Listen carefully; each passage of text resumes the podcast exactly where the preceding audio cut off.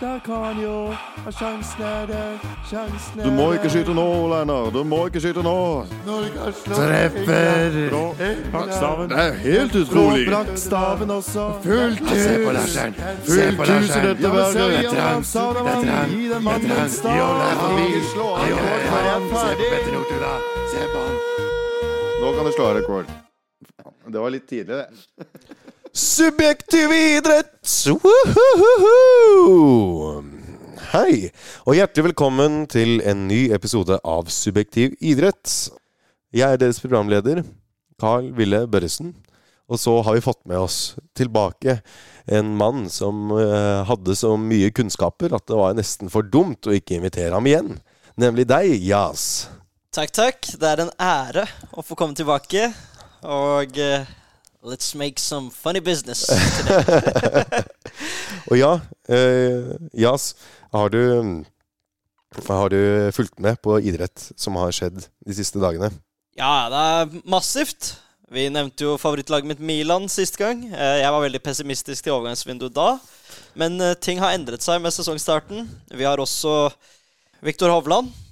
Ja. Fantastisk prestasjon. Det stemmer jo. Utrolig bra. Premier League har jo startet. Og friidretts-VM har vært. Er- Og så har vi et eh, øyeblikk som vi delte personlig, som var veldig spesielt. Eh, veldig rart, men eh, gøy. Ja, ja, det er Så- alltid gøy. Nei, så, så ja, vi har mye å snakke om i dag. det er absolutt sant. Vi mm, Ja, du gikk jo gjennom mye av det. Vi skal gjennom snakke litt om golf. Det som har skjedd med Mm. Viktor Hovland. Vi skal gjennom VM i friidrett, som har vært. Vi skal gjennom Premier League så langt. Og så skal vi gjennom uh, snakke litt om Serie A, din uh, favorittliga. Ja, ja. Så skal vi til eh, Eller vi skal på ville veier til noe som skjedde i sommer. Mm. Mellom Ja, hvor tilfeldighetene rådde. ville føre oss sammen på et eller annet vis i Italia. Og mer sier jeg ikke nå, i hvert fall. Um, og så skal vi prøve å se om vi får avsluttet med en liten fylle inn navn her. Mm. Så ja, er du klar, Jas? Jepp. Let's go.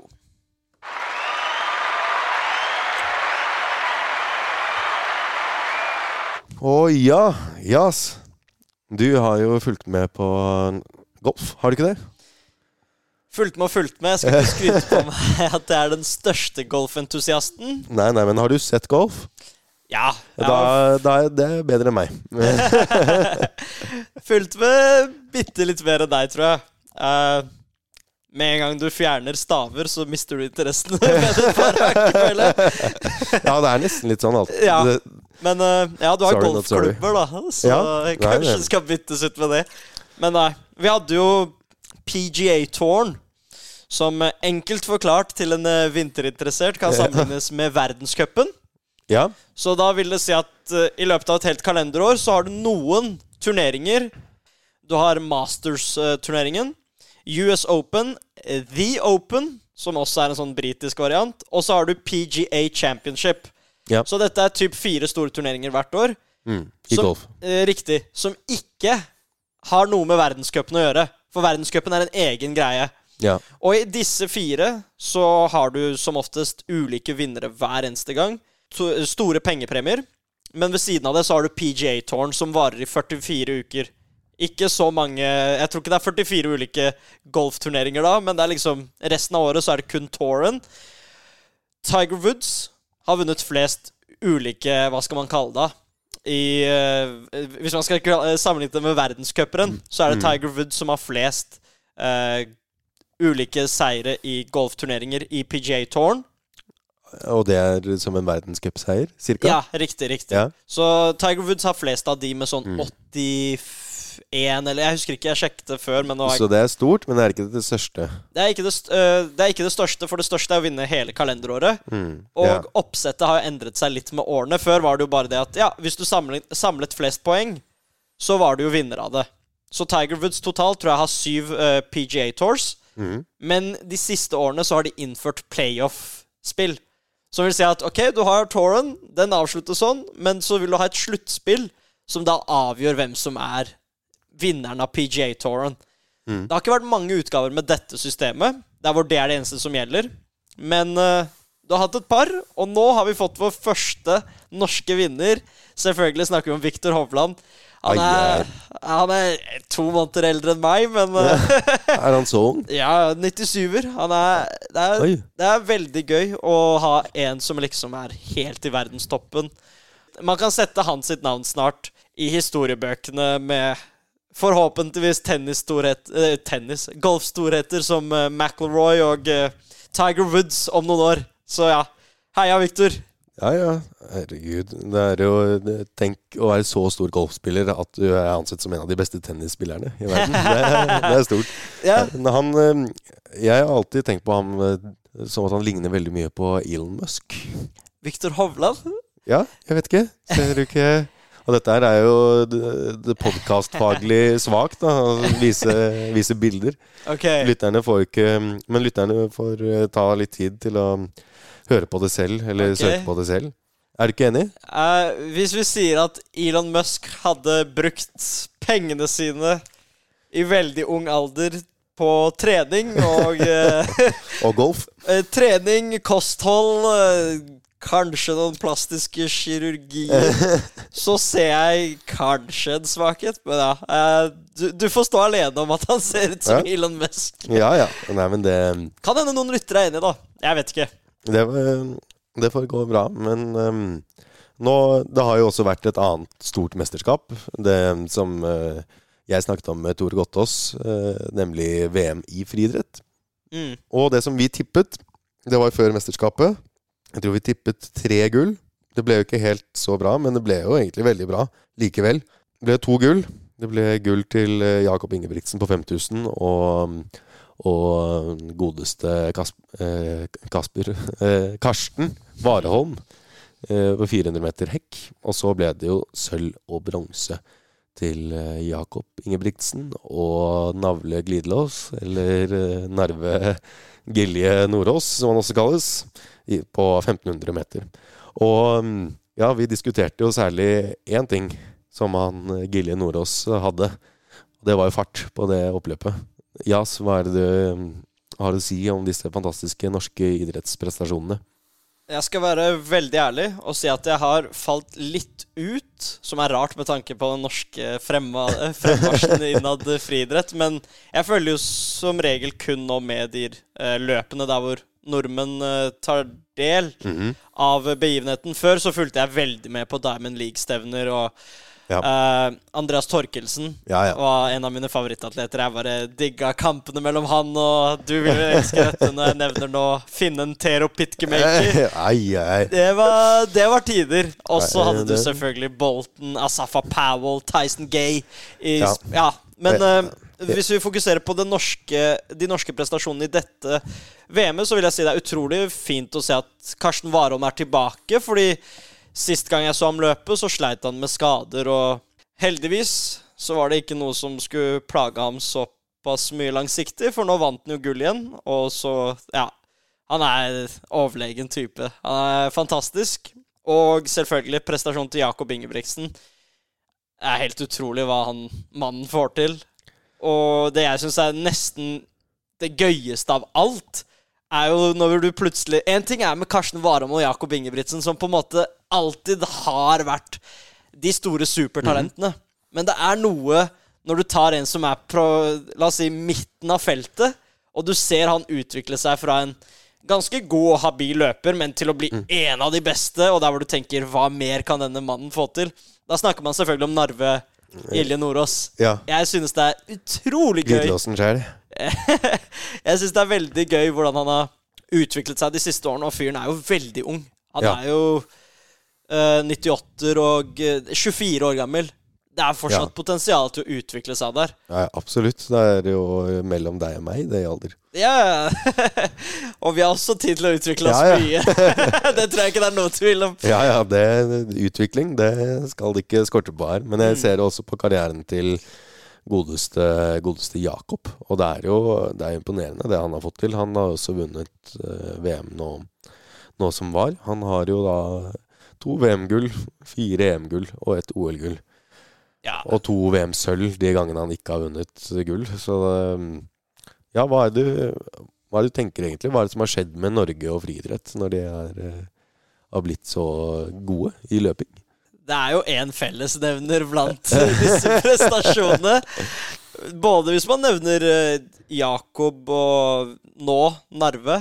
Eh, Jakob har jo greid å ivar, eh, ivar, hva skal man si, holde på prestasjonsnivået etter at han ikke nå lenger samarbeider med Gjert, men uh, Gjert Ingebrigtsen eh, Ja. Herregud. eh, det å få Narve Ili Nordås, som var en løper med potensial, og bare få ham til å fokusere enda mer, sånn at han kan komme til toppen, som han nå så å si er ved. Tredjeplass på 1500-meteren hadde ingen forventa noen år tilbake. Nei, nei, eh, er det gæren? Da er det jo Men det, det var nesten eh, en eh, kjensgjerning at ok, Norge kan ikke vinne medaljer i løping internasjonalt. Mm.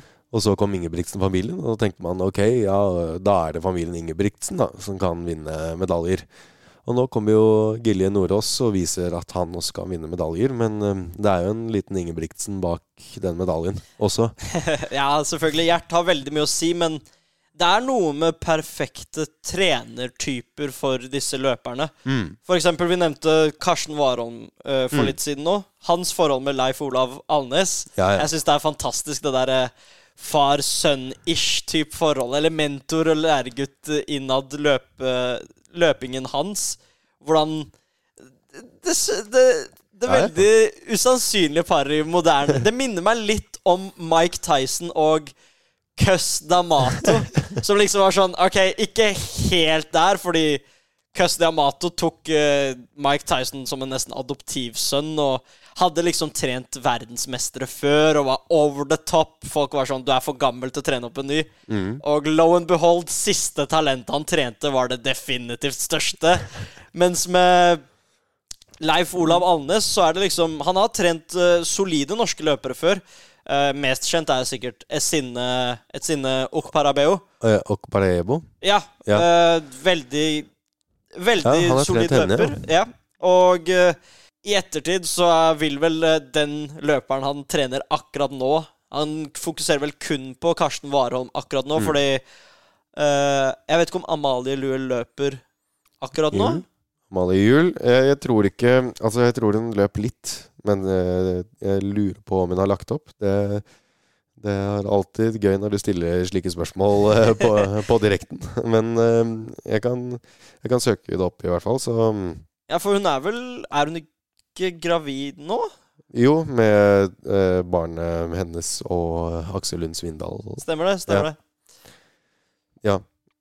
ja. Så- Hun er jo ikke så gammel, hun er bare 29 år. Da så- satser vi på at hun når OL eh, 2024, da. Ja, ja. Det hadde vært gøy. I, i Paris. Jepp. Så Ai. Men det er noe med perfekte trenertyper og villige læregutter, egentlig. Sånn, eh, folk som er åpne, nesten har en sånn svampmentalitet og tar til seg alt det treneren sier. Hva Karsten Warholm har fått til, vil jeg tro aldri hadde skjedd hvis han hadde hatt en dårlig holdning. Hva Jakob Ingebrigtsen, eh, Ingebrigtsen-brødrene generelt og Narve Gille Nordås har fått til, hadde aldri skjedd hvis ikke de var de rette typene. Så ja, eh, selvfølgelig. Mye skal ligge i, eh, ære, i ære hos eh, både Leif Olav Alnes og ikke minst eh, Gjert Ingebrigtsen. Ja. Selv om Eh, det er jo litt trist hvordan ting endte Vi skal ikke spekulere for mye, men ja. Det, det er jo litt trist at de ikke er på så god talefot, med tanke på at de ikke har et forhold Nei. treningsmessig lenger. Og det samme også med, med Gilje Nordås og eh, Jakob Ingebrigtsen. Sa også det at de ikke var Siden de var på lag før, Mm. sammen, og så eh, ville Gilje Nordås fortsette med Gjert, og brødrene Ingebrigtsen ville, ville fortsette på egen hånd da, og bli trent av eh, den aktive treneren eh, storebror og Henrik, eldstemann eh, Henrik. Mm. Ja, det er jo Det er jo trist å høre om den utviklingen i forhold til Narve og Jakob. Men heldigvis så fikk man det ene øyeblikket etter 1500-meteren der hvor de ga hverandre en high five, og det var, de, de kunne i hvert fall shake hånda etter det. Bare sånn Godt løp! Ses neste Ja, ja. gang. Litt sånn, Det er litt kult, litt uh, minimalistisk forhold, med det. Og altså, i, ver i, i verdenssammenheng så er vi alle nordmenn. Vi, Ja, ja. Men altså, man løper jo for, man løper for Norge, og Mm. resultater for en nordmann, er resultater for Norge. Så Ja. jeg, tror, jeg tror det alltids er en, en eller annen form for glede Ja, det er ved andres, uh, andres lykke. Det er definitivt en respekt som ligger der i bunn og grunn, vil jeg tro, hos Jakob for det Narve har fått til.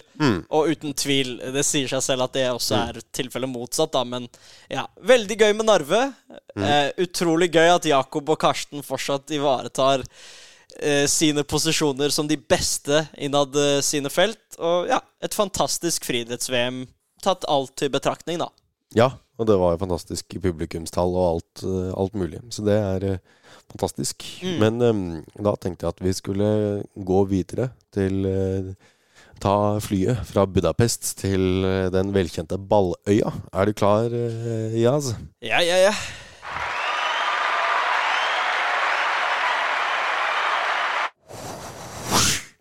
Og der landet flyet på, i eh, England. Det var ikke så mye turbulens, men Nei, det skulle, føltes nesten som vi bare har sittet i samme rom hele tiden. Nei, men um, Jo, Premier League så langt, Jas. Hva har det å si, du som ikke er like anglofil som alle andre nordmenn i verden? For eh, de som kjenner Jas, så vil man eh, vite at jeg er en Arsenal-supporter når det kommer til Premier League. Veldig fan av hvordan Wenger utviklet eh, spillere, og eh, hele filosofien, spillestilen. de x ulike talentene, antall talentene. Masse. Hele filosofien til Arsenal. Jeg elsker Arsenal. Når det er sagt, det gjør meg veldig vondt da å si at det laget som har imponert meg mest til nå, men herregud, så mye respekt til Tottenham. Ja, ja, det er jo helt utrolig. Og det viser jo det at Tottenham gjør det best når de er underdogs. Og Ja. de har de har litt sånn nisjetrenere som folk ikke har, vet så mye om. Og at de heller spiller litt angrepsfotball. Og ja, ok, kanskje de ikke vinner så mye, men de spiller i hvert fall god fotball, i motsetning til hva som de har gjort de siste årene. Ja, Hvor de har spilt veldig sånn Det har vært veldig halvveis. Og de har kjøpt litt sånn gamle spillere for at de skal vinne her og nå, og så vinner de ikke her og nå. Og så um, Ja, da tror jeg egentlig at Tottenham-fans også bare er glad nok Ja. for at de spiller så bra som de gjør. For hvis man analyserer hva Tottenham har gjort den siste tiden Sånn som du sier Det var en tid der hvor det Det har lenge vært en greie over Tottenham at det er sånn Hva kan vi gjøre for at vi endelig blir sett på som et storlag? Selv det å nå Champions League-finalen har gjort at de ikke De har ikke fått den respekten som storlag som eh, i England som Arsenal, United, som ikke har vært i en Champions League-finale på veldig mange år nå. Ja, ja. De har fortsatt den respekten blant ulike fans som Tottenham-fans eh, Som Tottenham kanskje føler at de ikke har oppnådd som en klubb. Hva er det de har gjort da? Jo, de har hentet trenere med fantastiske CV-er, som eh, Antonio Conte og José Eh, Mourinho. Hva har det hjulpet? De har fått disse figurene til å se depressive ut i Spurs-perioden sin. Conte eh, dro nesten sitat ut fra sin tidligere spiller uh, Kilini med It's in the history of the Tottenham. they do not want to play well. They want to play so and so. If you do, you get so much money, and you don't give everything for the club, then you don't have to play football. Jeg husker den der siste pressekonferansen til Conte. Jeg er en sucker for pressekonferanser. Om det er boksing, om det er MMA, you name it. Er det en pressekonferanse, jeg er der for å se på online. Og det Conte gjorde den siste pressekonferansen, der hvor han bare fortalte om situasjonen til Tottenham som en klubb, og bare They can, they can fire me, but look at this club. Look at where they have been and where they will go.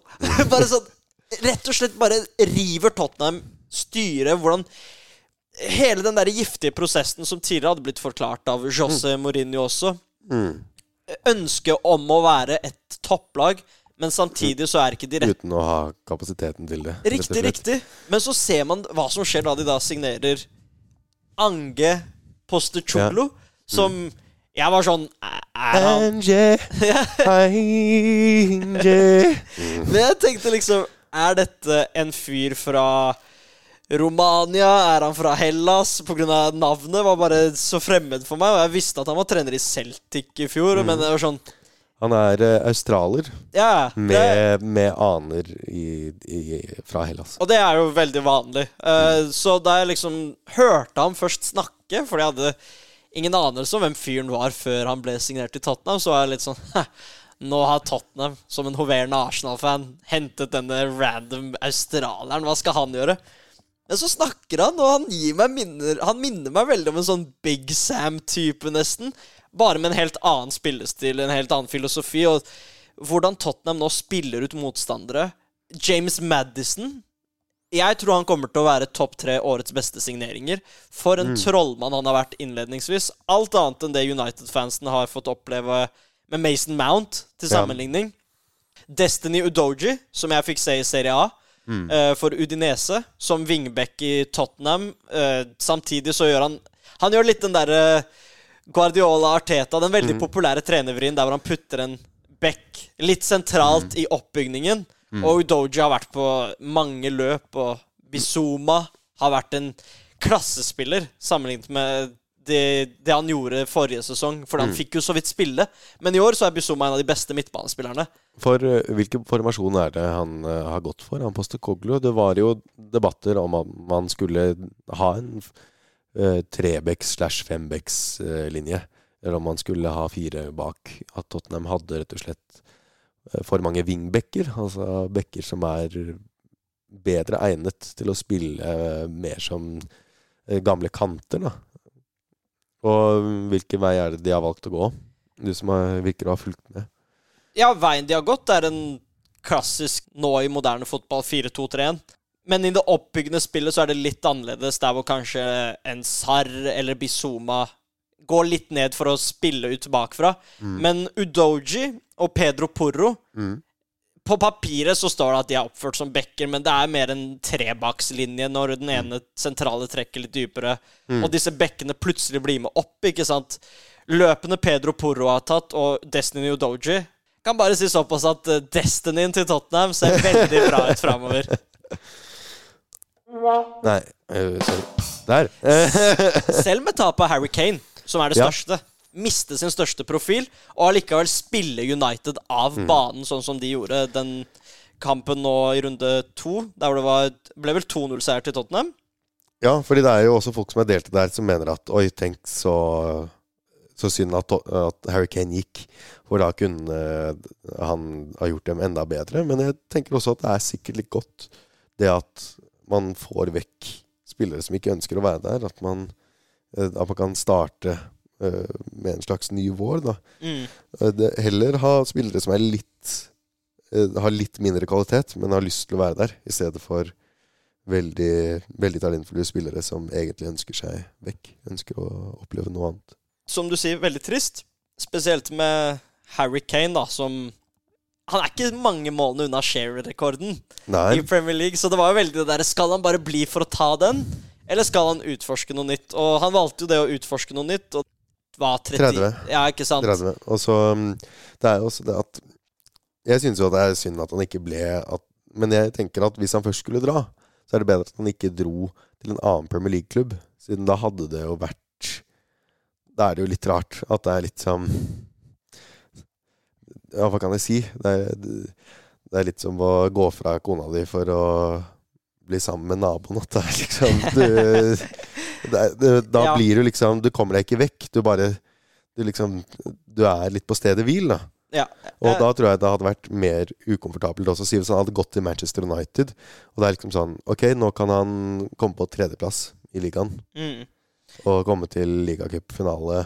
Det kunne han jo i Tottenham også. ja. At det er ikke noe spesielt. Og ja, da Men han var ikke så langt unna rekorden. Han hadde 213 mål i Premier League. Og Share hadde 252? 260, 260. tror jeg. Jeg kan, eh, jeg kan dobbeltsjekke det. Ja, Men uh, ja. Uh, som du nevner, så gjør det jo tapet litt lettere for Tottenham-fan, nå som han ikke engang er i ligaen. Og du nevnte jo laget United, Manchester United. På den ene siden hvor Tottenham har gjort det utrolig bra, så vil jeg si at United er det topplaget som jeg syns har gjort det kanskje verst. Eh, selv med veldig imponerende kamp mot Nottingham, der hvor de lå under 2-0 etter fire min, og greide å snu det til 3-2-seier, som i seg selv var en veldig sterk prestasjon. Mm. Det at de i det hele tatt lå under 2-0 mot Nottingham etter fire minutter, er ikke de sterkeste tegnene. Eh, Chelsea, annet storlag, Mm. kjøper jo spillere i hytt og pine. Veldig positive tegn mot Luton, men igjen, det er Luton, så vi får se med de. Ja. Eh, jeg liker veldig det de holder på med, i en rar forstand at ok, de kjøper potensielle stjernespillere i hver eneste posisjon, ja. men det tar tid å skjelle. Det, men det som også er litt rart, er det at de er kjent for det, dette akademiet sitt. Og så selger de akademispillere for å få inn eh, eh spillere som ja, har stort potensial, men de koster jo eh, en halv milliard til halvannen milliard. Ja. Så å si alle sammen. Og da vet jeg ikke helt hvor lurt det er eh, med tanke på klubbdrift.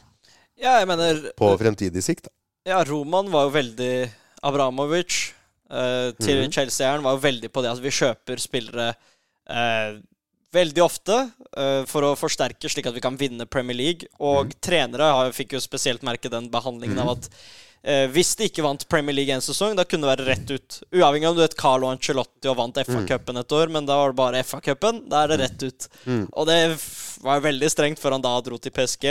Men uh, ja, nå har de jo fått inn Todd Burley. Mm. En liten del av meg har sagt til kompiser nå, nå nylig at jeg lurer på om han har et gamblingproblem.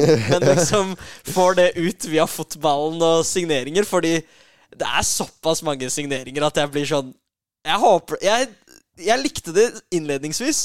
Det å stjele Mudrik fra Arsenal var jo liksom Det var vondt for en Arsenal-supporter med tanke på Ja. hva man følte Mudrik kunne få til, men samtidig så var det sånn Når dere har sett ham spille, så er det ikke så ille, si. ja, ikke sant? Uh, og det er noe med det at Ja, de fikk en Kukurea, som de stjal litt fra City. Veldig nær City før han dro til Chelsea. Men så ser man på hva Kukurea dro til. da Et lag i fullstendig kaos. Uh, henter tilbake Lampard som en interim coach en periode. Det går ikke bra. Så det er sånn Chelsea må bare finne ut av det. Mens et lag som United later som de har funnet ut av det med Ten Hag. Men Ja. jeg begynner å stille tvil til dette systemet når de får inn Mason Mount for hva var det, 60 millioner pund. Og han har absolutt ikke gått rett inn og vært en smooth Det har, det har ikke vært en smooth transition. Og Nei. Rasmus Høylund, Ja. i stedet for å bruke 100 på Kane, som mest sannsynlig hadde vært nok, så bruker de 70 på Høylund, som var skadet. Og ikke Ja. fått spille de to-tre første kampene nå. I tillegg til at Høylund er veldig ung. ja. Og han vil er ha 18 år, er han ikke det? Uh, Han er vel 2021, tror jeg. Ja, men uh, ja, jeg er enig. Det er uh, mye er mye man risikerer, også for Høylunds del. Mm. Eh, ja, han er 20 år. Ja, og Høylund er jo eksempelet på en spiller som har behov for tid. Mm. Han skårte ni mål i Serie A. Glimtvis så så man potensial til en verdensklassespiller. Jeg ønsket ham til Milan, eh, men de meldte seg av interesse Han var ikke lenger et objekt for interesse etter at han ble verdsatt til mer enn 30 millioner euro. Ja. Og han endte jo opp med å gå for 70. Men Ja. potensielt så ser man en verdensklassespiller der. Han rykket fra så å si alt og alle. Fantastisk eh, løp var det han tok hele sesongen. Men han skårte ni mål. Ja, Eh, jeg er enig. Jeg er enig i at det er, det er veldig mye penger å bruke på en som har såpass lite eh, håndfast, ja, han har liksom gjort det bevis, da. Han har gjort det bra i Sturm Gras i Østerrike. Og eh, dro til Atalanta. Gjort det veldig bra der. Men han er fortsatt 20. Og ikke Ja. alle, selv om han, eh, navnet minner om Haaland, ikke alle har den effekten. Og selv om han har spilt i østerriksk fotball. Ja, ja. Så- Nei, nei. Men det er jo mm, Jeg vet jo Vi blir jo snakkesalige når vi sitter her, men eh, vi må også holde oss litt i tøyene, slik at det ikke blir altfor lang podkast. på Ja. Eneste jeg vil bare Det er- si retta mot Høylund, er også Bare legg merke til at hvis han sliter en liten periode, så kommer folk til å si med en gang å, han er en flopp. For det er noe med Mm. denne toxic Ja, ja. eh, britiske kulturen som følger veldig sånn I hvert fall spillere som er i United. Mm. Hvis de ikke får det til med en gang, så er det en flopp. Og jeg håper bare for Høylunds skyld Mm. at det ikke skjer så fort, med tanke på at karen er bare 20 og vil ha behov for tid. Nei, han kan eh, Det kan ende skikkelig ille om eh, om han ikke blir behandlet godt nok også av, av fansen, men også av folk i, i klubben. Da. Det er jo Apropos det, så er det jo noen kamper som jeg må bare Som må bare si Altså, hva er det som skjedde i London? Og, og i Newcastle, kanskje, aller mest. Eh, Jeg sikter jo da til eh, Arsenal Fulham. Eh, jeg vet ikke, fulgte du med på den, den kampen, du som er vår utegående reporter? Ja, altså. Jeg gjorde dessverre det. Eh, Arsenal hadde jo forvandlet noen kamper i fjor også. og Surret til. Det var mer mot slutten. da Innledningsvis var det en fantastisk periode, men eh, ja. Nei. Men, eh, det var jo Altså, det var, startet jo med et litt sånn merkelig tilbakespill som ble snappet opp, og det ser ut som Altså, Andreas Pereira, han skal Det ser ut som Aaron Ransdale er klar for at han skal sentre ballen til en eller annen annen. Men uh, han sentrer den uh, rett inn i mål. ja, eh, Det er et litt merkelig mål. ja, Pereira snapper opp et dårlig tilbakespill fra Eller en dårlig pasning fra Thomas Party. Mm. Ramsdale står veldig langt ute, og uh, Pereira sier 'inshallah' og bare skyter en veldig svak ball, egentlig, men det er rett mot mål. da Og Ramsdale mikser om føttene, vet ikke hva forskjellen på høyre og venstre er, og ender bare opp med å falle, og ballen går i mål. Der og da så tenkte jeg veldig på Raja, som er på benken, som de henta fra Brentford. At det er deilig man har ham, sånn at potensielt, hvis ikke Ramsdale stepper litt opp For da han har vært litt suspekt i det siste, så selv om han kom på PFA årets lag Ja. senest i går, så er det, det er litt diskusjon blant Arsenal-fans om Ramsdale faktisk er den som burde være framtidig nummer én. Men ja. Eh, Arsenal kom jo seg tilbake, men eh, greide på typisk eh, vis nesten å surre det til. Selv om de leda 2-1 mot ti mann, Ja. så greide de å bomme på markeringsspill. Og Palinja, som jeg mener burde spille for en bedre klubb enn Fulham, Mm. satt inn 2-2. Så ja, og Arsenal greide ikke skåre de siste minuttene, i motsetning til lag som City, som slapp inn mot Sheffield i det 85. Da så jeg på med håp og iver. Bare, Kanskje City skal tape poeng, men uh, to min senere skårer Rodry i krysset igjen. Han uh, jævelen der er jo en av de beste på det der. Og ja. Nei, men um, for um, Ja, det er jo som du, det er som du sier. At, um, at der hvor City klarer det, så ser man at uh, veldig mange andre lag sliter.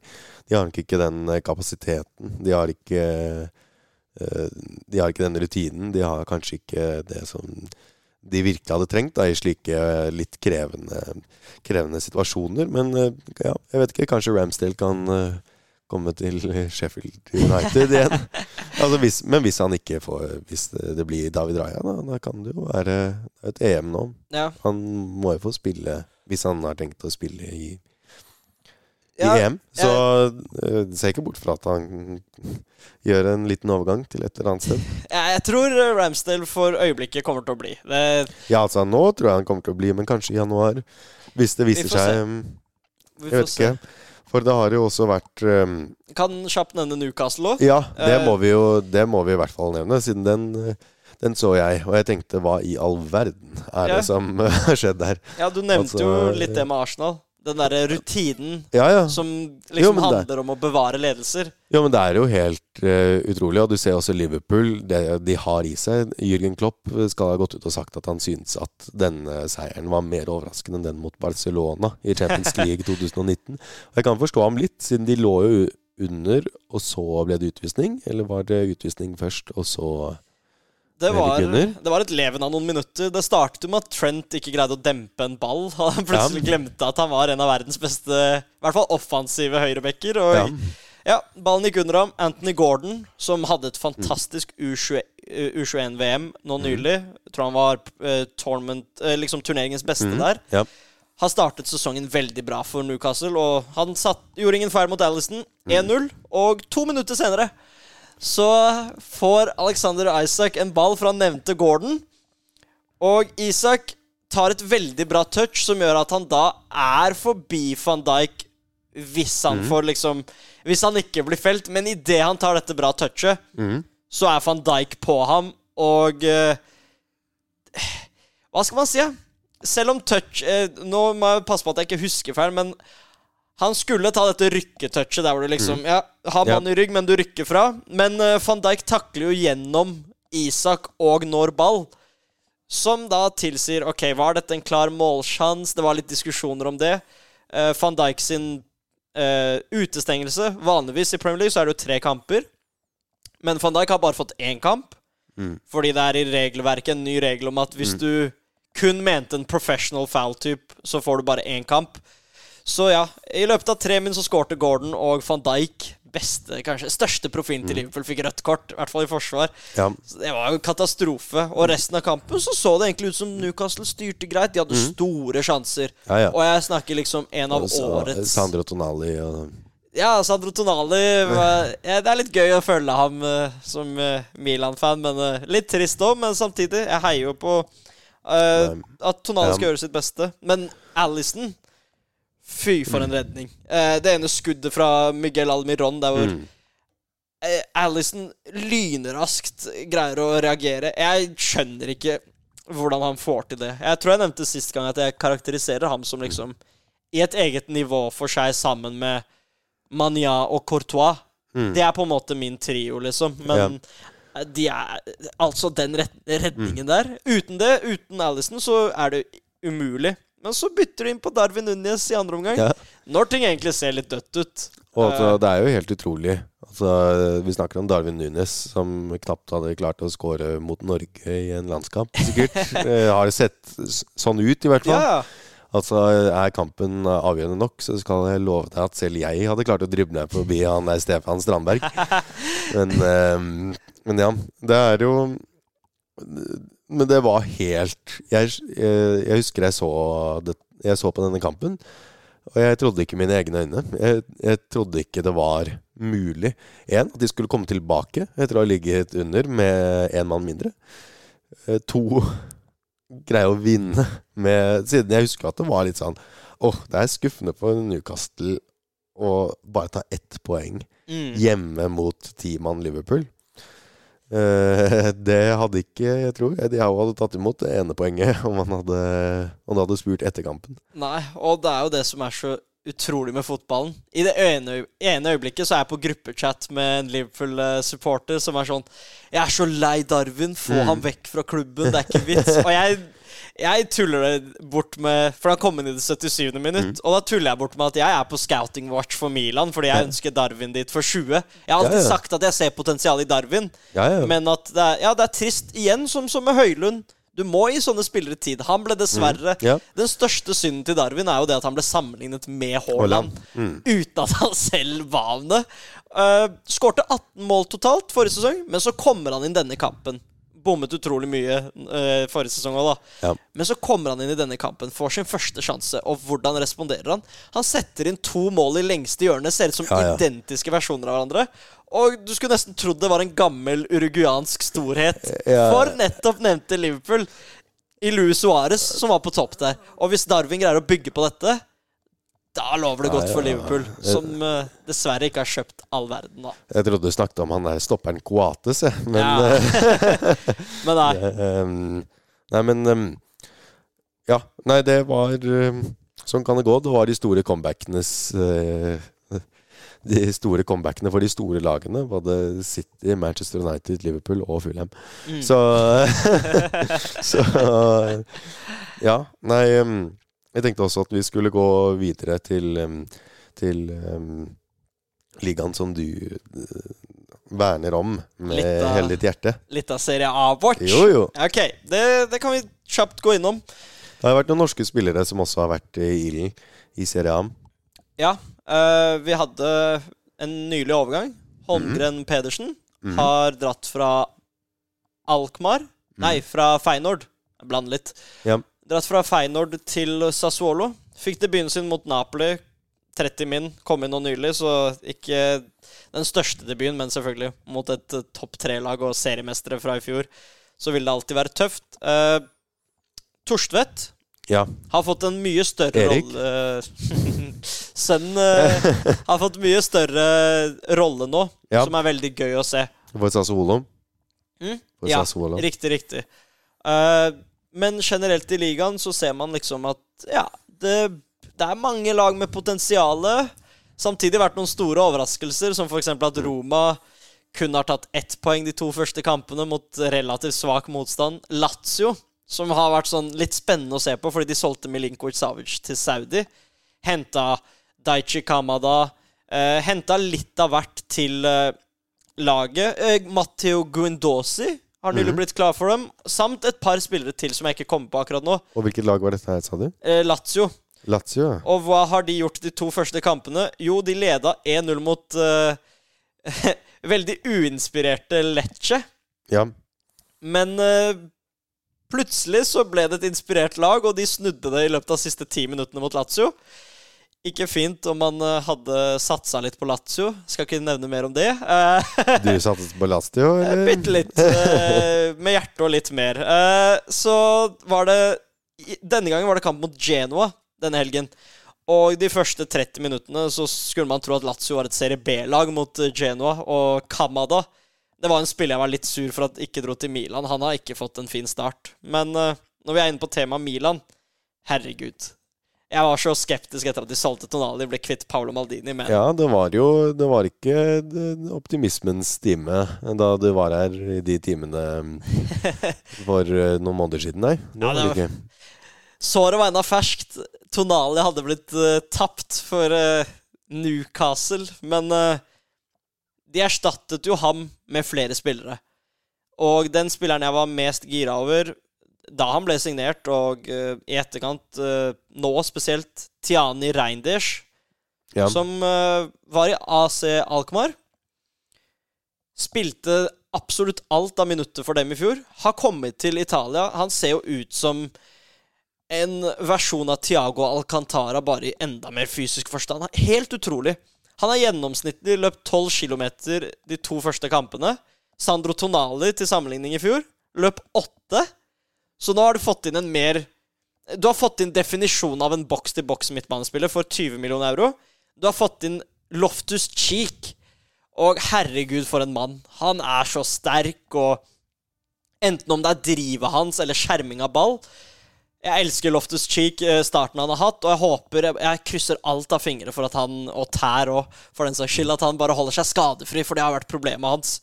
Og Musa, ung, også hentet for Tonali-pengene, er en eh, boks-til-boks-midtbanespiller som ennå ikke har fått vist seg. Som snakker litt om dybden Milan har fått, spesielt i angrepsrekka. Gikk de fra gammel Zlatan, eh, Origi, som ingen vil ha nå, Salemakers nettopp klar for Bologna, Messias klar for Genoa. Så har de gått til Chukwese, Okafor, som herja mot Milan i, og Chelsea Champions League i fjor, til å han er på benk nå i Milan. Eh, Medi Taremi ser ut til å bli klar. Og Musa er på benk. Det er dybde i Milan-laget. Og de leder jo Serie A. Så Ja. kort fortalt, veldig bra start for Milan i Serie A. Ja, Hvem, eh, og det er et eller annet med engelske spillere og det med Serie A. eh, Med Loftus Cheek blant annet. Og på en måte også litt uh, Pulisic. Han kommer i hvert fall fra, fra England nå nettopp, da. Men ja, hvem tror du at vinner Serie A nå, hvis du skulle gjette?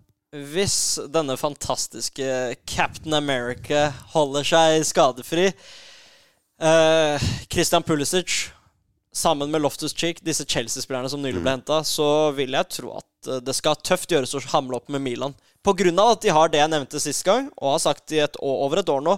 Milan har verdens beste venstreside med Theo Hernandez, skåret en lekker chip, og eh, Rafa Leao, som har to assist de to første kampene. Men det at vi har fått inn en solid høyreside nå, med Pulisic og Loftus Cheek Calabria, vi trenger ikke nevne han så mye, han gjør sin jobb, men spesifikt Pulisic og Loftus Cheek holder de seg skadefrie, og den venstresiden til Milan er der, med en Giroud og Taremi som rullerer. Ja, ja. Det er Jeg vil si at akkurat nå, sånn som ting står seg, så er det mellom Milan og Inter. Så ja. Vi får se hvem som trekker det lengste strået der. Hva tenker du om Roma, da? Om Napoli? Eh, Roma Jeg vil si at de kommer til å lide igjen av Mourinhos tredje sesongsyndrom. Ja. Det har sett bra ut. De har bygd litt på de to første sesongene, men det, det var liksom Conference League-seier som fikk dem til Europaliga, og så kom de hele veien til Europaliga-finalen mot Europaliga-dødaren eh, Sevilla, og der røk det på straffekonk. Eh, jeg følte litt at det kunne nesten være en katalysator for deres fall. Ja. Og dessverre så er det mye overbevisning som skal til for at jeg ikke tror det denne sesongen. Milan møter jo Roma neste uke. Så da kommer de nok til å vinne 3-0, eller? legg merke til dette. Hvis Milan ikke slår Roma, så fortjener de ikke å vinne Serie A. Jeg blir, skuff, jeg blir mer skuffa om Ja. Milan ikke slår Roma, enn om enn er en Arsenal da de liksom røk mot Fulham nå. Eh, Ja. Det er på det nivået. Roma overbeviser meg ikke i det hele tatt. Men du er jo større fan av AC Milan Ja. du er Arsenal. Jeg er jo det. Du er jo egentlig AC Milan-fan. Jeg Hvis du skulle ha valgt en klubb. Milan i hovedsak. Eh, Men Napoli de har jo mista Kim. Ja, ja. Og fått inn uh, ingen, egentlig. Så de har jo Østegård da, på benken, så mista også Gabi Veiga, som skulle være Ja. deres store midtbanesignering. Hele sommeren har det vært snakk om han. Og plutselig så er han klar for Al uh, Ali, tror jeg. Han ble klar for et uh, arabisk lag nå nylig. I en alder av 21 for 40 millioner euro. Det er Fotballen har endra seg. Så Uff ja. Nei, men um, apropos, apropos Roma og Napoli, så tenkte jeg at vi skulle gå tilbake til en spalte vi hadde, som heter uh, På ville veier, på ville veier. Og ja, eh, som dere hører med denne eh, studioinnspilte jinglen som vi har til denne spalten, så skal vi på ville veier. Og da tenkte jeg at vi skulle starte med hva som skjedde etter at vi hadde spilt inn forrige episode. Jas. Forrige episode som du var med i. Og det var jo Da spurte jo jeg deg hva, hvordan din sommer eh, skulle se ut. Da sa du at eh, du var egentlig hadde egentlig ikke så mye å gjøre før eh, 4. august. Da skulle du på reise. Og jeg spurte hvor du skulle reise. Og du eh, sa Roma. Og jeg eh, jeg tenkte sånn Oi, uh, det, med Norwegian. ja. Uh, og eh, jeg tror, jeg tror vel jeg spurte klokken syv. ja, det var Og så spurte, uh, sa jeg at da, da skal jeg på samme fly. Du kødder nå, eller? Nei, jeg mener tilfeldighetene skulle ha det slik at vi satt på samme fly, og det var veldig spesielt fordi Vi endte jo opp ved siden av hverandre. vi endte til slutt opp å sitte ved siden av av jo, hverandre. det ble jo livepod med subjektiv idrett for alle på det flyet. det ble jo det. Men ja, det var veldig gøy hvordan man eh, i løpet av pausen i den innspillingen, eller ja, i etterkant, bare sier ja, hva skal du i sommer? Jeg skal til Italia snart, da. Hæ? Det skal jeg jo. Ja, men jeg skal dit 4. august. Når skal du? Ja, samme dag. Hæ? Eh, ok, men Du trodde at jeg køddet, noe som eh, hadde vært litt rart å, å Ja. kødde med, føler jeg. Det er litt sånn samtidig skal det mye til til at du skal dit samme dag, og da var jeg sånn ah, Men jeg skal i hvert fall ta det tid tidlige flyet. ja, Jeg skal også ta det tidlige flyet. Da, jeg, måtte, vi- jeg måtte vise deg flybilletten. Det stemmer, og til slutt så Fordi en venn av meg som eh, heter Chris, valgte å bytte plass, så Ja, det var jo, det var jo veldig hyggelig. Hvis Ja, ikke så hadde jeg sittet, sittet litt uh, vekk fra dere alle. Og det var jo veldig hyggelig at jeg fikk uh, sitte ved siden av deg, slik at jeg fikk litt underholdning Ja. på, på reisen. Nei, men det var jo fantastisk. Og det var jo veldig gøy, det å se Roma. Jeg fikk jo dessverre ikke se uh, Stadio Olympico. Det var jo ikke min eh, i min kjærestes eh, ferieplan. Det å vandre i en halvtime for å se en Olympiastadion, dessverre. Um, men um, så dro vi også til Napoli. Ikke samtidig, men begge tok hurtigtoget ned til Napoli og så jo der, og det var jo helt fantastisk. Det var jo altså det var jo Campione d'Italia colabokser, ble jo servert fortsatt. Så det var jo Det er jo et eller annet spesielt der, og de hadde jo til og med plakater av Leo Østigård på, på veggene der. Det var jo store plakater med Campioni 2023, og så bilde av Maradona under på de, på de plakatene, til tross for at han ikke har vært med på et serievinnerlag siden 1990. Men um, jo Man fikk jo åpnet øynene for hvor mye det har å si, og hvor stilig det må være å faktisk spille for et, et lag i på et sted hvor man folk bryr seg så utrolig mye om deg som fotballspiller. Eh, og hvor mye det har å si i forhold til f.eks. hvis du spiller for Manchester United, da, eller Real Madrid, eller Bayern München. At da er du liksom Du er en i mengden. Kanskje ikke hvis Manchester United hadde vunnet nå, men ja, det, er, det var et eller annet veldig romantisk ved hvordan de, de anså sine serievinnere, napolitanerne, nå i, nå i år. Hva syns du om turen? Hva var, var din favoritt? Eh, Ja, du nevner det jo. Vi dro dit samtidig.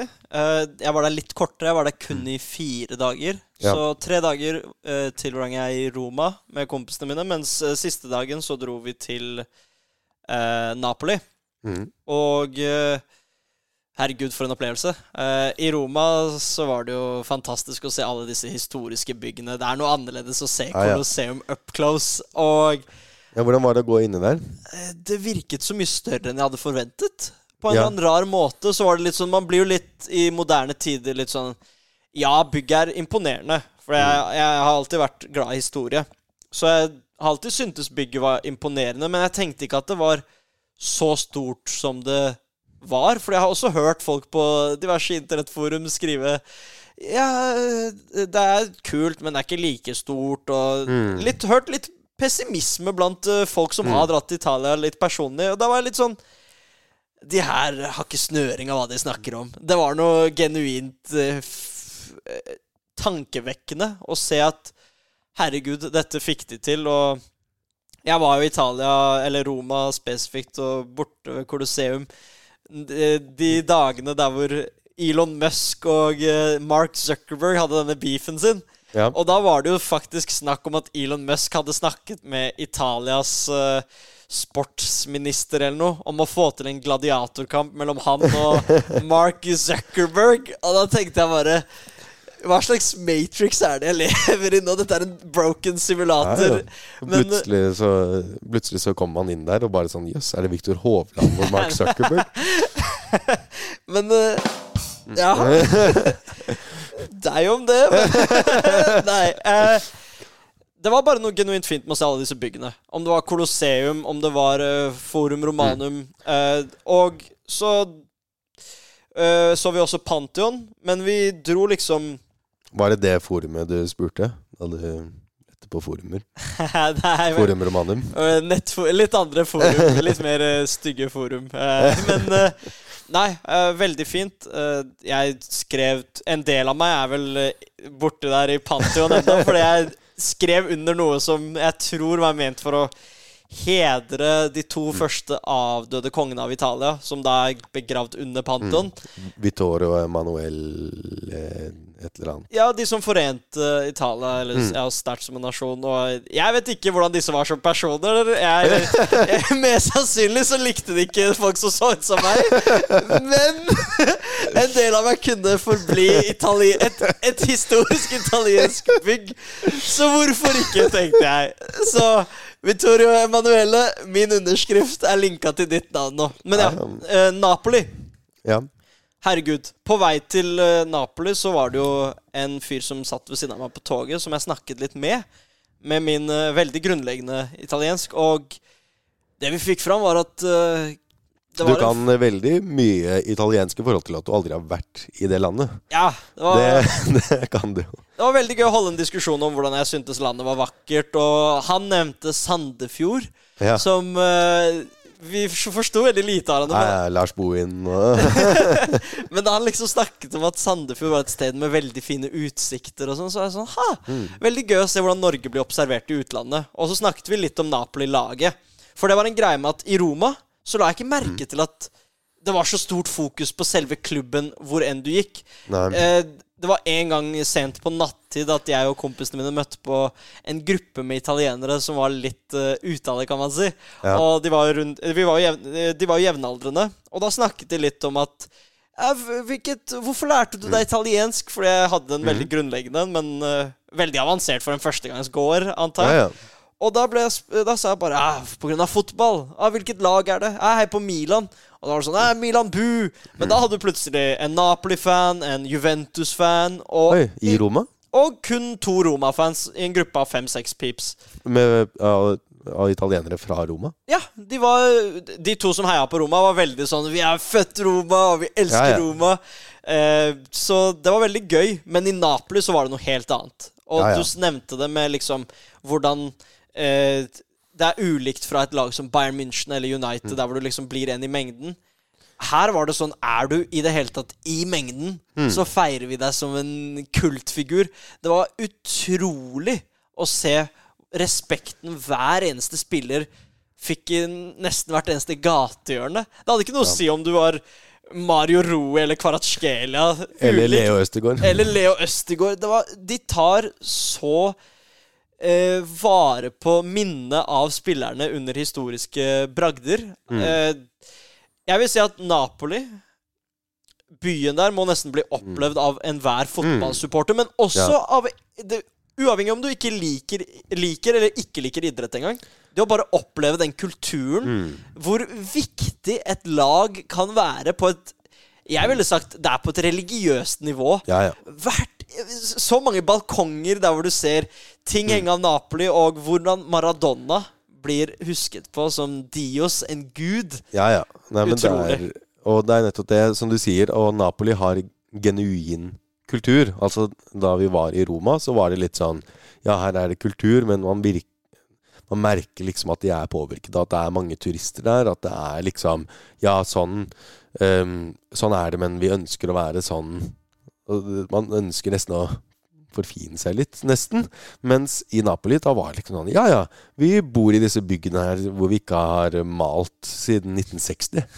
Og vi gir faen, liksom. Og vi har liksom den nydelige kirken ved siden av den renn, renna av en eh, leilighetsbolig, ikke sant? Og det var jo og det var jo ja, åpne leiligheter som var liksom åpne Altså, vi kunne ha gått rett inn i folks leiligheter om vi hadde ønsket. Og eh, slått av en prat. Så det, som du sier, det er en kultur som må oppleves. Fikk dessverre ikke dratt til Maradona stadion heller. Den er jo en halvtime med bil, nesten, unna bykjernen Mm. i, i Napoli.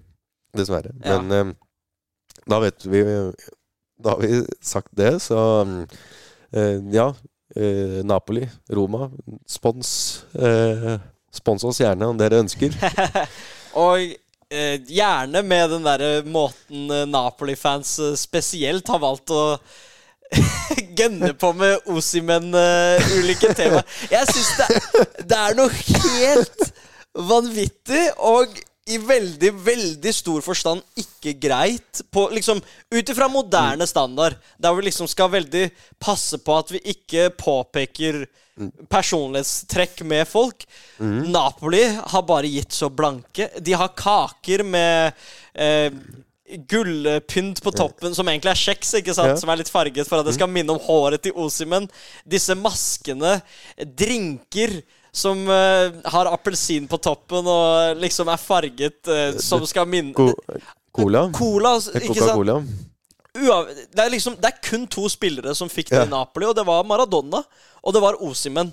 Og det er nettopp det at eh, Det er som du sier at eh, det, det er nok en slags kjærlighetserklæring. eh, 100%. Når du får Når det er, det er deg, og det er Maradona. Og det samme med mm, Kvaratskhelia også, da. Ja. Eh, eh, bare en vanlig spiller, egentlig, fra Georgia. Får kallenavnet Caradonna. Det Ja. må jo være Altså Og han, han er jo bare 21 år, eller hva han er. Jeg hadde jo Det er store sko som folk fra Napoli mener at du fyller. Det må jo Mm. være en stor ære.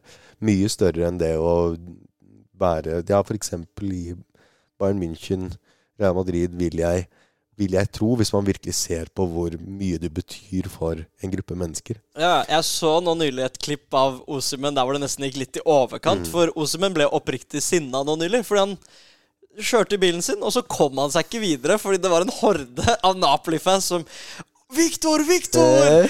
De ville ha bilder, de ville ha videoer, de ville ha alt. Og Victor Osmen til slutt må si La meg please kjøre forbi. Slo i rattet og var veldig oppgitt, men hva endte han opp med å gjøre? Jo, han endte opp med å ta bilder og videoer med fansene, fordi til syvende og sist så er det jo det er jo et sted av kjærlighet. Ja, ja. Jeg ville ikke gått til grensen som jeg så en, en kid gjøre i Napoli. Veldig fint å ta på seg masken. Veldig fint om du til og med farger håret. Ja. Men eh, ja eh, Foreldrene hadde da valgt å farge denne kiden. Og det, når vi drar på det nivået, så føler jeg at vi må kanskje roe ned et, et par hakk. Ja. Men uh, Det er litt voldsomt, ja. ja, veldig voldsomt. Og, men selvfølgelig. Uh, hvordan Napoli elsker Osimen, burde egentlig bli studert, for vi snakker om Italia, som har hatt en Spesielt Lazio Hva skal man si? Det er ulike fanskarer som Det er dessverre mange også i Sør-Europa generelt, også i Spania dessverre, som har sin historie med, med spillere som ikke er helt, eh, helt europeiske. Da. Jeg mener at det er en ukultur med fotballen. Det at de hele tida skal rakke ned på den etniske bakgrunnen til spillere. Men eh, heller feire det. Ja. Sånn som Napoli-fansen Mm. har gjort nå med Osimen. Det, jeg syns det er fantastisk. Ja, det er, eh, det er nettopp det du sier. Det blir, det blir for dumt å skulle skylde på det som en Ha det som eh, noe å mobbe deg med. Da. Det Ja. ikke, du kan ikke gjøre så veldig mye med det, Ja, ikke sant? Det ja, Så, så- mm, Men nei, eh, da eh, Nå går jo tiden ifra oss. Jeg lurer på om vi må Vi kom litt på ville veier, men det er jo litt gøy også. Jeg lurte på om vi skulle ta en veldig rask fylle inn navn her. Er du klar? Let's go. Å ja, vil du starte? OK. Skal jeg starte? Ja, du kan starte. Da, da skal jeg starte. Da skal jeg være så kort og konkret som mulig, siden jeg ser at vi har litt, litt uh, mindre tid enn det jeg hadde først sett for meg. Jeg er født 7. august 1999. Og ja, det, det er jo jeg, faktisk. Men det er denne personen som jeg også Som jeg også nevner. Og Det er første hint. ja. Det er det dårligste første hintet jeg noensinne har hørt. Jeg skal gi deg et litt ekstra hint også, da. Jeg, jeg har deltatt i VM i friidrett nylig. 7. august 1999. Mm. Trenger du flere hint? Er jeg Jakob Ingebrigtsen? nei, nei. Jeg er ikke det. Er Han er yngre. Han er yngre. Mm. 01, er han ikke? Ja, kanskje 0-0-0. 00. Ja, ok. Høsten 0-0. 1999. Mm. Warholm er vel eldre enn det. Ja, han er eldre. Men uh, 1999? Er du Narve? Nei, Nei. 98 er han. det er ikke eh, Neste hint. Ok, neste hint, da. Jeg er en kvinnelig utøver, Ok. og ingen norsk utøver. Ok. Da blir jeg enda mer blank for hvert hint du gir, da. Så kvinnelig utøver i Mm. friidretts-VM. Mm. 24 år gammel. Mm. Ja, hvilken idrett er det vi snakker om? Løping. Jeg trenger med sprinter og eh, høyde... Og, eller eh, hva er det heter? da? Hekkeløper. Åh. Her må jeg nok eh, kaste inn håndkleet, da. Ja, siste, siste hint. Um, mitt, jeg heter det samme som OL-byen i 2000. OL-byen i 2000. Var det Aten? Eller var det Sydney? Det var Sydney. Sydney. Sydney. Sydney. Må bruke Google nå. Det, det er egentlig ikke lov å bruke Google, men Ja, jeg lar deg, lar deg. Jeg er helt blank, så Sydney. Uh, Yasin er som Kronenborgen. uh, Sydney. McLaughlin. yes, det stemmer. Jeg skal Jeg mener all honnør til Sydney McLaughlin. Jeg ser at hun løp Hun slo verdensrekorden i fjor, men jeg, jeg visste dessverre ikke hvem det var. Nei, det er jeg, jeg skal være så ærlig at jeg valgte henne fordi vi hadde bursdag samme dag. ok, da skal jeg svare med samme mynt. Men dette må jeg gjøre live. Uh, Ja. 14. november 1997. Jeg vet om én er en, jeg vet- jeg vet vet kjent idrettsutøver. Det var jo du som fortalte meg om. Nei, det var du! det. Nei, jeg hadde jo aldri tenkt over det hvis du ikke hadde fortalt meg.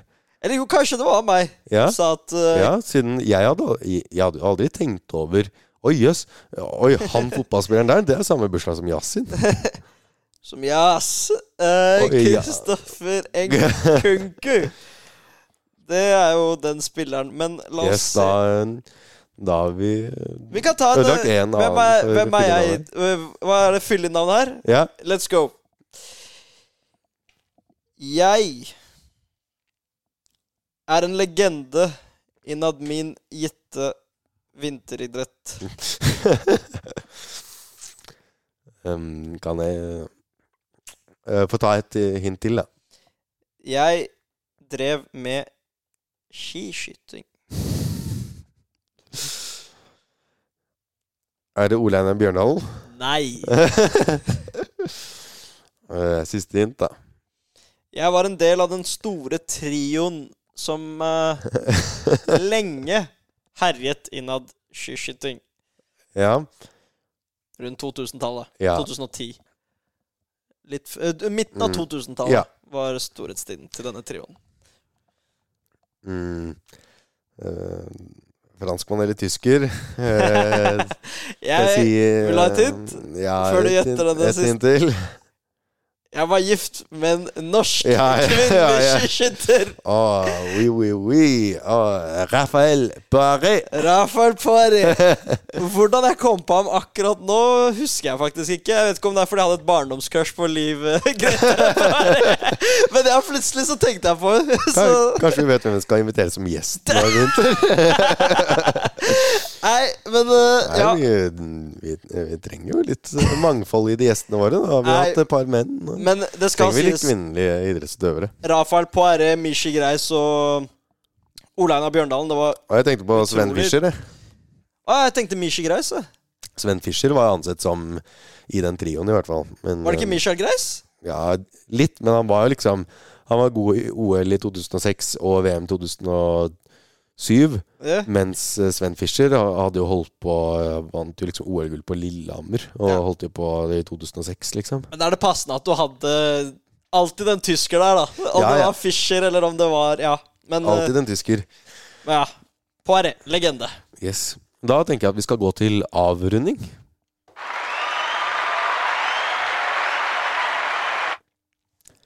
Og ja, tusen takk for denne fantastiske episoden. Da har vi gått gjennom eh, litt av hvert. Og forresten, eh, Jas, vet du mm, hva Jakob Ingebrigtsen og Narve Gilje Nordås sa da de hadde kommet i mål etter sin 5000 meter?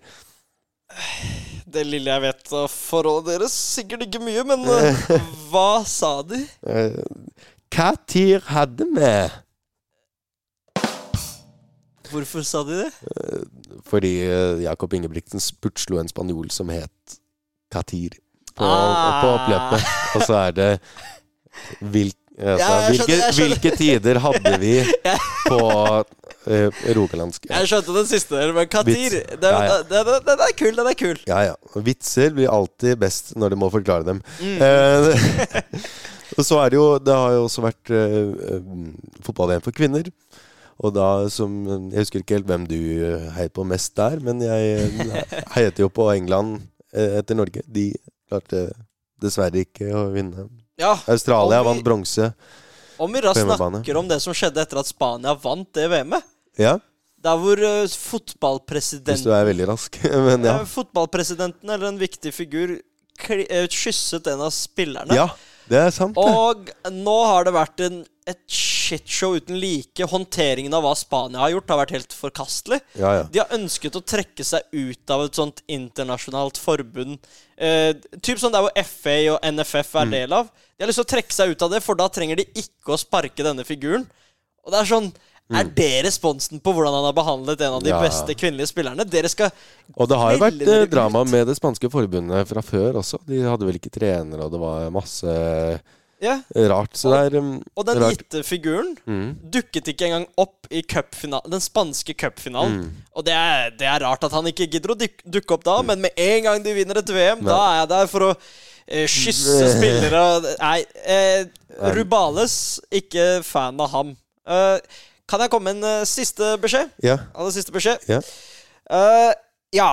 For uh, de som hørte på den forrige podden jeg var med i, så Ja. var jeg da Nå er jeg eh, spent. jeg er jo Uh, forhåpentligvis i løpet av neste år en del av dette profesjonelle wrestling-sirkuset. Og mm -hmm.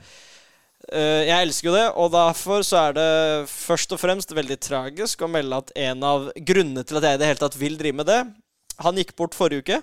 Uh, Bray Wyatt eh, var karakternavnet. Um, Kondolerer. Wyndham eh, Rotundo eh, det, det skal sies hver gang jeg nevner eller tenker på fyren, så blir jeg litt rørt, for ja, hadde veldig mye å si for hvorfor jeg ville drive med dette. Og eh, ja eh, Håper det, det lille det er verdt, så vil jeg i hvert fall bare nevne ham, for herregud, for en type han har vært innad ja, wrestlingen. Mm. Og da ville jeg gjøre denne lille Lille utfordringen. Til ære for ham. Litt til ære for ham, og litt for å sparke meg selv i ræva. Og ærlig talt innrømme at vet du hva, jeg har ikke gjort så mye som jeg burde ha gjort. Og sist gang så snakket jeg om at ja, jeg er i disse ulike treningsperiodene der hvor det enten går veldig bra, eller der hvor det går litt sånn stakkato, ikke sant? Mm. Så derfor har jeg lyst til å gjøre en challenge på vegne av denne podkasten. Som er at eh, jeg, som i det siste, ja, eh, litt personlig, har hatt litt sånn start og stopp-perioder. Uh, men er veldig innstilt på å nå ha en bra periode fram til jeg drar til Skottland 1.10. og eh, terper på wrestlingferdighetene.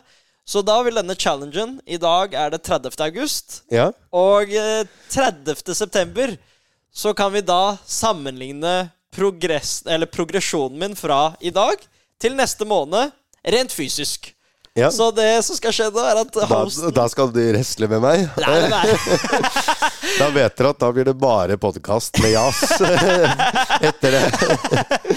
nei det, det hadde tatt seg ut. Men eh, det jeg vil gjøre, er at Én, jeg skal kjøpe uh, Hva heter det? Merch, i hvert fall, av uh, Wyndham, som han heter på ekte. Bray Wyatt. Så der hvor eh, pengene går til familien. Og om en eller annen lytter vil gjøre dette fordi den har en wrestlinginteresse, så elsker jeg deg. Hvis ikke, så er det greit, men eh, det er bare for å spre det navnet og uh, minne av ham. Så vil jeg også ta og bruke litt av den energien som jeg vet han ville få ut der med at folk jager drømmene sine. For han var veldig en sånn som ville spre det ordet om at folk må virkelig være autentiske. Og det å tvinge meg selv til å være autentisk denne måneden med å gjøre det som er best for meg, Mm. og samtidig få fysisk og garantert psykisk eh, vinning ved det ved å ja, bedre meg i løpet av neste måned. Ved at du tar et førbilde av meg i dag Ja. og et etterbilde neste måned. 30. september. Og så sammenligner man. Mm. Og det kule med dette er hvis jeg ikke jobber noe denne neste måneden, så vil man se det. ja. Og da er det bare å eie opp til det. Men uh, potensielt så vil denne lille måned, månedslange reisen inspirere noen som ja, kanskje har hatt det litt tøft, og i hvert fall hvis man mister en som er et idol innad et felt. Uh, en som man så veldig opp til og kanskje hadde drømmer om å møte, så er dette liksom ment for å bare Ja, gønn på med drømmene, og du kan, du kan fikse deg sjæl. Mm. Om det tar en måned, eller om det tar et, et, et, et år. Jeg har hatt litt uh, behov for å ja, gønne på med noe eget nå. Så ja, det var det jeg ville si. At vi starter denne månedslange challengen i dag. Wow. Applaus til deg. Fantastisk. Da hørte dere det her først. Og mm, hvis dere også ønsker å lage podkast selv, så er det infomøte med Oslo Met Podkastforening.